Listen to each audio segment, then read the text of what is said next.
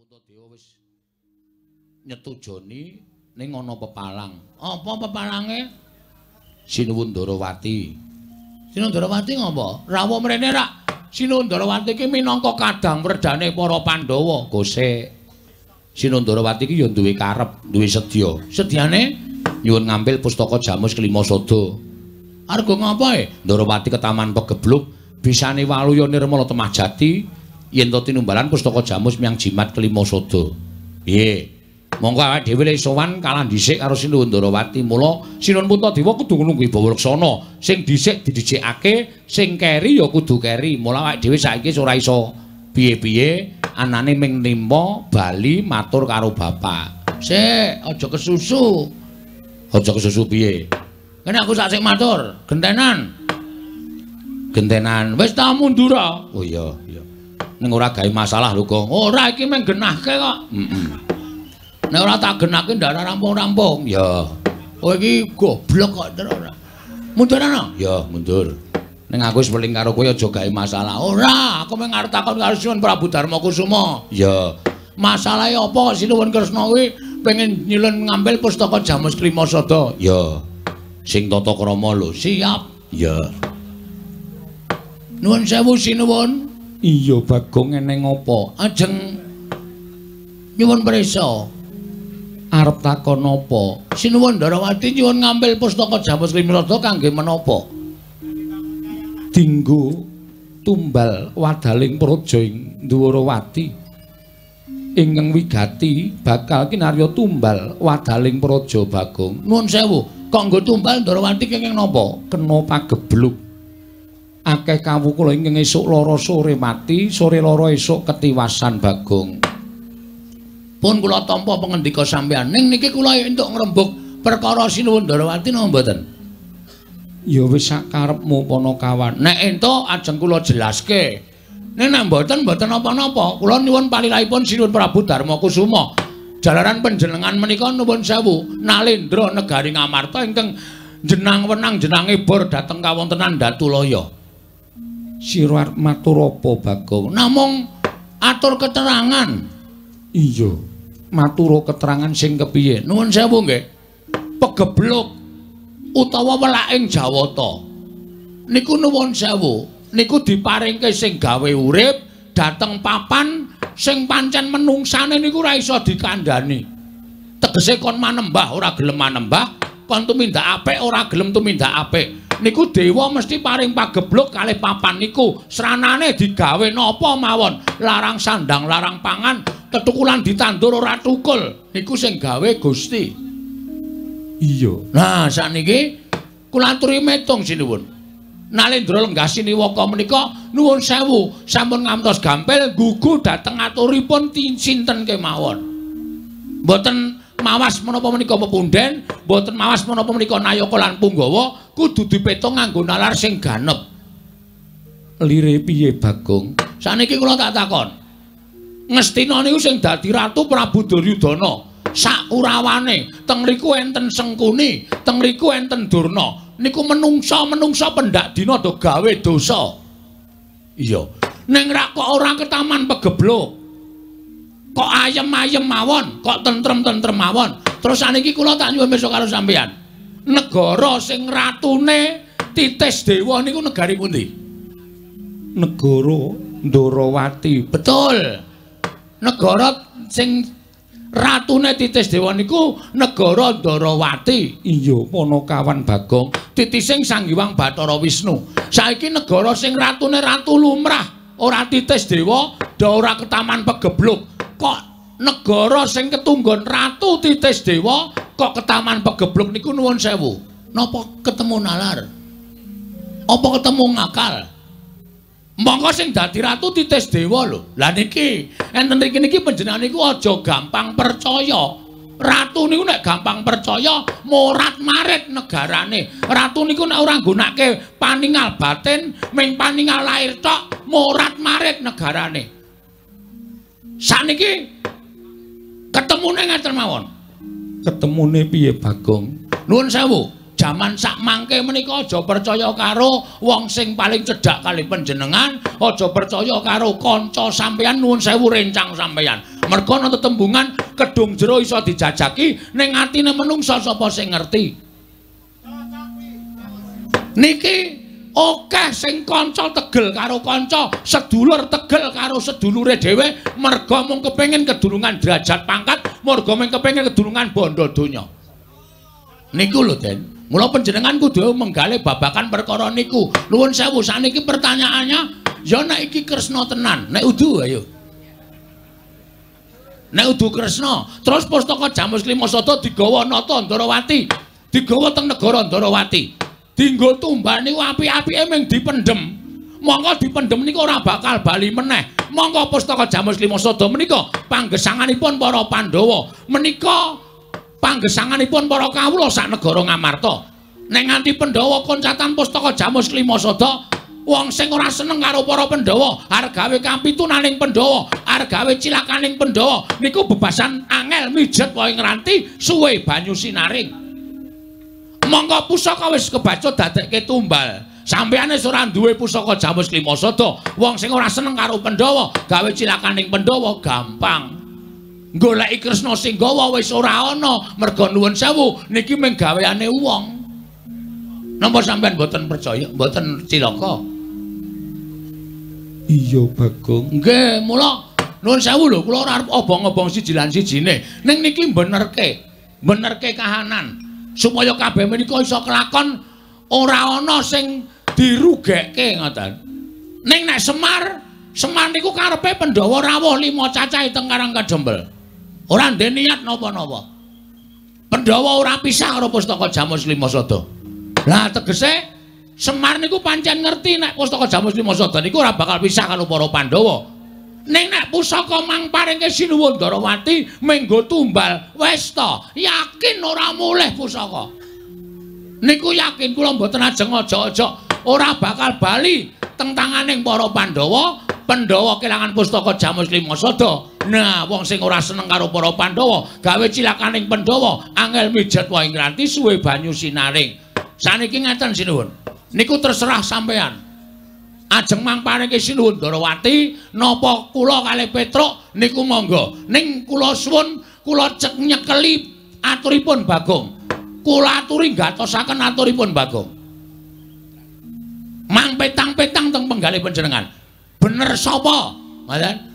Apik mang paringke Sinundarawati, napa apik mang paringke Bagong? Niku teng lambe ati sampean. Nek apik mang paringke Kresna nggih mang paringke Kresna, nek apik mang paringke Bagong nggih mang paringke Bagong. Ning nggih niku, nek diparingke Kresna menggo tumbal, nek diparingke Bagong ora pisah karo para Pandhawa prapteng Karang Kajembel. Ngoten mawon. Ngatos-atos lho. saniki akeh wong nyewake sandangan wayang wong. Nek nganti niki panjal maning menungsa sing niate mengargae rusak negara Ngamarta terus nyilih nyewa sandangan wayang wong. Wujude Kresna mengargo apus-apus wah sampean cilaka yakin niku? Kula mboten gawe-gawe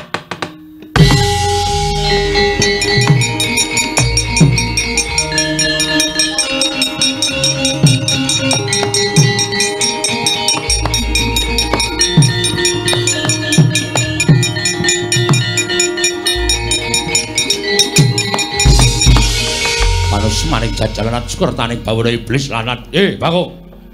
Pono kawan, Bagong. Mudiar kowe. Aku ora iso omong karo kowe to, rasa sok gawe masalah. Ora usah sok gawe perkara. Lho, kowe ngunek-unekke Sinuwun Ndarawati kakangne nesu. Terus? Hmm. Kowe kakangne sapa? Kakangne Bagong.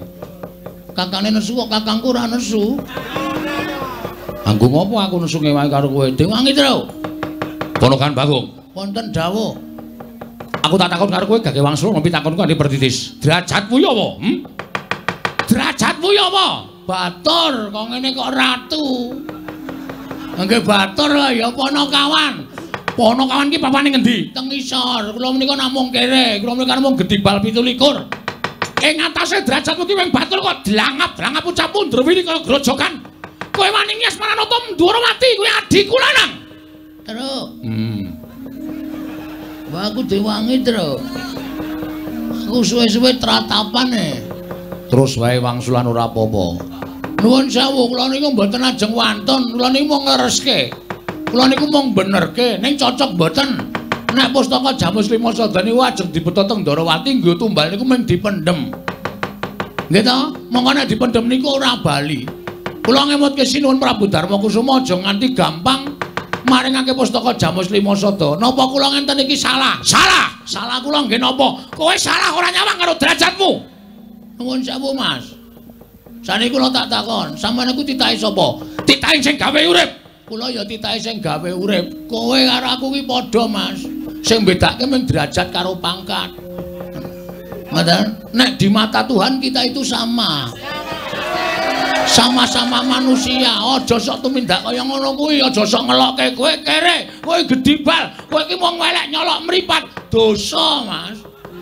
Tandane dosa sampean aja gagas kaya ngene iki aja ngunekke kawula sing elek kaya ngene iki aja ngunekke kawula sing ringkih kaya ngene iki sampean iso dadi ratu niku mergo tak coblos rai sampean Gong kowe le omong malah dadi masalah iki cerewet kowe meno untal dasmu sisan kon ngewangi ora gelem malah meden-medeni wis kowe cengok Alah denane bacot wani ya bacot nyemplung kali Wis terus ya mengkari dodok. Lho. Kok mengkari dodok piye ora? Eh, samane ngunanae karo Bagong kleru. Napa kula kluput? Kula ngemutke ratu Gusti kula. Napa kula kleru? Kula ngemutke ratu Gusti kula. Prabu Puntadewa niku ratu Gusti kula. Nek ratu Gusti kula enten napa-napa nganti cilik lara gedhe mboten wonten terus sing mbayari kula ben sasi sapa? Kula wajib ngemutke ratu Gusti kula sing kleru. Apa kaya ngene iki dianggep salah? Salah perkara derajat pangkat, derajate nggo endi, pangkate nggo endi? Kula takon karo sampean. Sapa-sapa arep digetak, sapa-sapa arep digetak. Dume dadi ratu galak. Tangger iki wis saiki ayo. Muni ya. Ombo-ombonan cangkem. Ombo cangkemku kasih. Sero suaraku wong. Lho, ora lho iki tenanan. sing tau nek kowe meneng wae kok kakangne nesu-nesu ing apa? Mergo aku tresno karo adikku lanang. Terus? Hmm. Kowe tresno ora karo aku? Nek kowe tresno kowe muni ngono iki, Tru. Men aku marem, Tru. Amoh, oh setan iki. Ora gelem muni ngono to? Ora. Kowe wani ngasmane Kyai Prabu Ndrawati padha karo wani karo Nata Mandura Prabu Baladewa. Kowe wani ngelani jajane Kyai Prabu Ndrawati padha karo kowe wani karo Nata Mandura Prabu Baladewa. Kowe ngilo karo kahananmu. ing ngatasi Semar arep balon kayangan iki Semar iki derajate apa jebak aku tak takon. Semar iki derajate apa? Aku tak takon kok wani bangun kayangan. Kowe ora gagas kok. Kowe iki ora ngerti sejarah iya Mas? Lho kowe ora basa karo aku. Tak basanono wong sampean wis ora ngajeni karo aku Sampeyan karo apa dadi Nalendra nek karo para kawula ngajenono kowe aja gleleng dadi ratu ae kowe aja gaya dume lungguh kursi sing dhuwur Neng aku nek gelem nglumpukke masyarakat tak jak demo telung kejeping paningal rubuh saka kursimu kowe.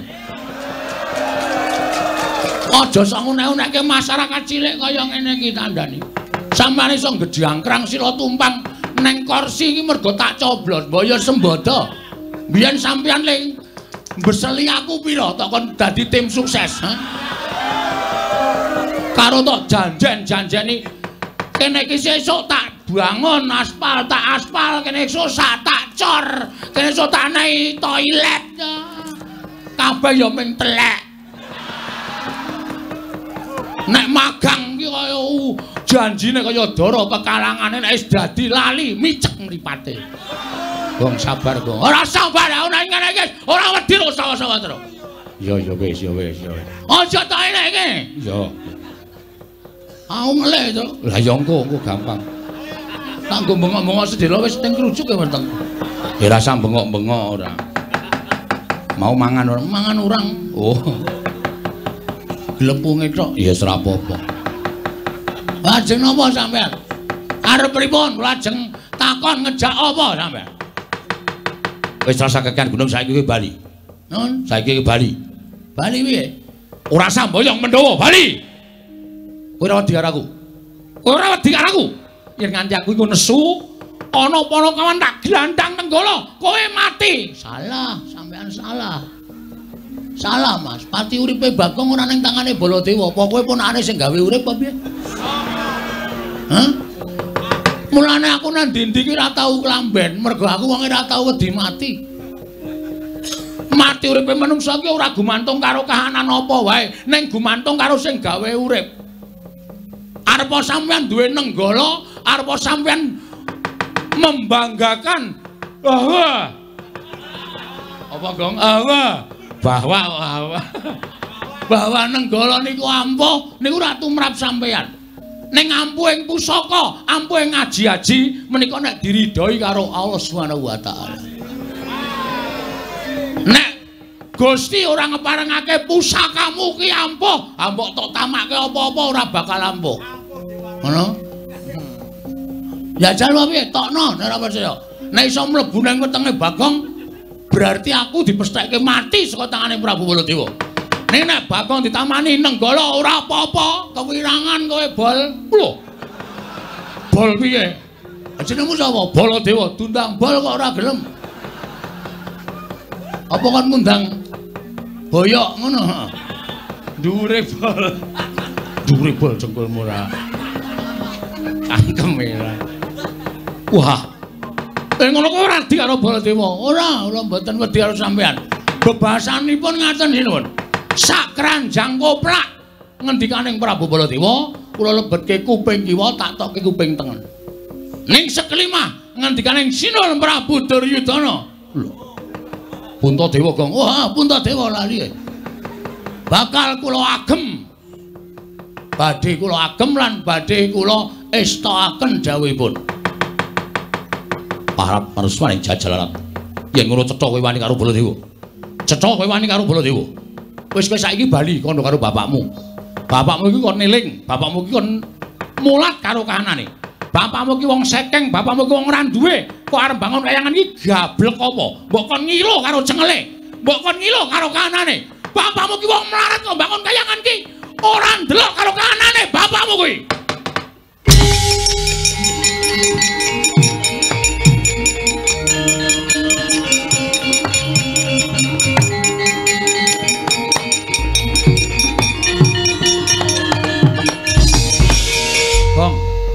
Nganggo sopan le. Kok njur ngadeg metenteng ngarepe Prabu Baladewa, Tru? Hmm, iki wis kelewat ukuran menungsa iki. Tegese piye? Sing dinyak udu aku neh, ning babe. Babe sapa? Babe Semar. Ayah. Ngono. Ame Bagong kok nyebut kok ayah ora. Bapak Semar. Hmm. Bapak ki wong sing paling tak hormati, Tru. Piyai sapa ngendikake bapak ki tangan tengene sing gawe urip. Mula sapa sing wani karo bapakne kuwi bakal entuk hukum sing ora ora ana pangapura selawase urip. Siji, bakal nampa rekoso uripe, angka loro lawanging kanugrahan ditutup. Wong urip ning donya iki nek lawanging kanugrahan ditutup, arep ngopo wisan? Wis ora duwe pangarep-arep apa-apa. Mula nang ngani bapakku dieceh karo Ratu Mandura sing jeneng Bale Dawa iki. Baladewa, Baladewa iki aku ora trima to. Gong niku malah dadi geger kriwikan dadi grojokan geguyon dadi tangisan. Nek kowe ora wani mulya. Mulya ala. Kalakonane dhewe nang kene. Edan malah nyemprot-nyemprot idune. Aku ora ngraup to. Hus. Prabu Baladewa. Iye. Kowe aja sak kepenakmu dhewe ngono iki aku. Rada mundur sini, Pun. Iya, iya. Mundur apa tak nesoni? Iya, iya, Mas. Nek ngene iki rawet diro sapa-sapa. Karemu piye? Kowe ngonekke aku kaya ngono. Karemu piye kowe ngonekke bapak? Melek mripatmu kowe. Kowe ngonekke bapak wong sekeng gedhi bal 17, wong elek nyolok mripat tok sawang saka ngendi, ha?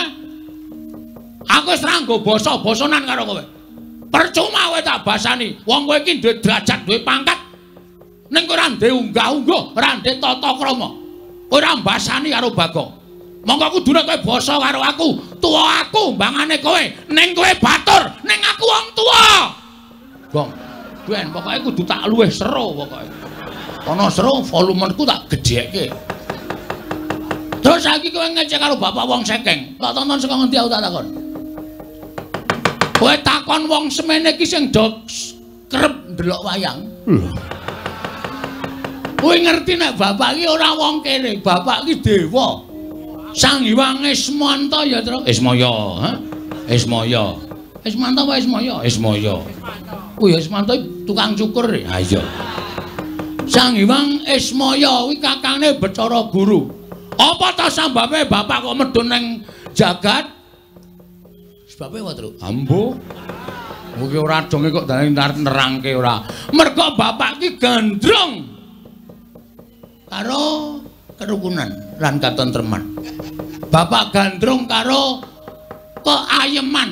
Heeh. Bapak gandrung karo kerukunan ana ing jagat mo dadi dewa. Bapak ki nek gelem dadi dewa kae ning kayangan paling dhuwur. Kae bintange telu. Saiki kowe kok iso ngunake bapak ki wong kere. Saiki tak takon, asalmu saka ngendi to, Mas? Hah? Kowe saka negara Mandura. Ning kowe mbiyen ki disingitke ning Widara Kandang, diakoke anak Demang. Kowe mbiyen jaman nom-nomane mikul garu, mikul ruku, golek ramban, golek suket.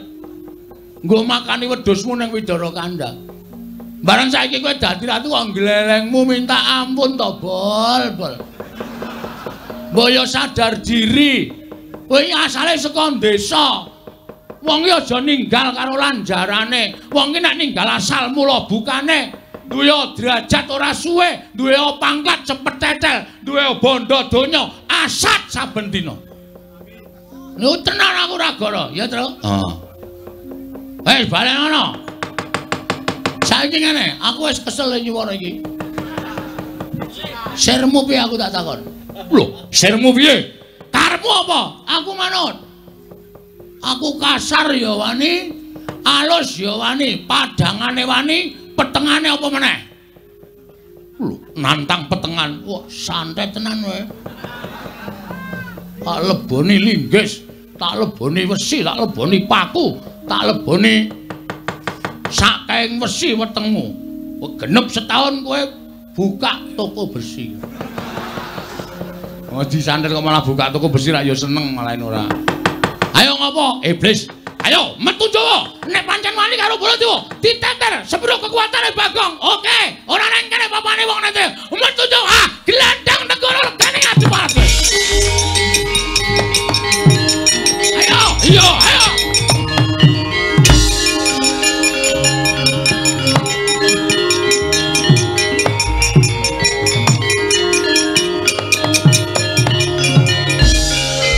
Gong. Kok balik meneh? Aku men nyaut cagak kuwi mau apa? Sek mubeng ngono kuwi. Heeh. Wah angel ngene kon mikir ya, Tru. Heeh. Ora paham? Heeh. Bagong piye kabul kawusanane? Kula tak metu mawon mungsu Prabu Baladewa. Lah kok ora sida matur? Wis lak jame mungkin ndak dikira kewengen iki wis setengah rolas e, Tru. Hmm. Ayo ngoyak Baladewa kok malah nang kono. Yo.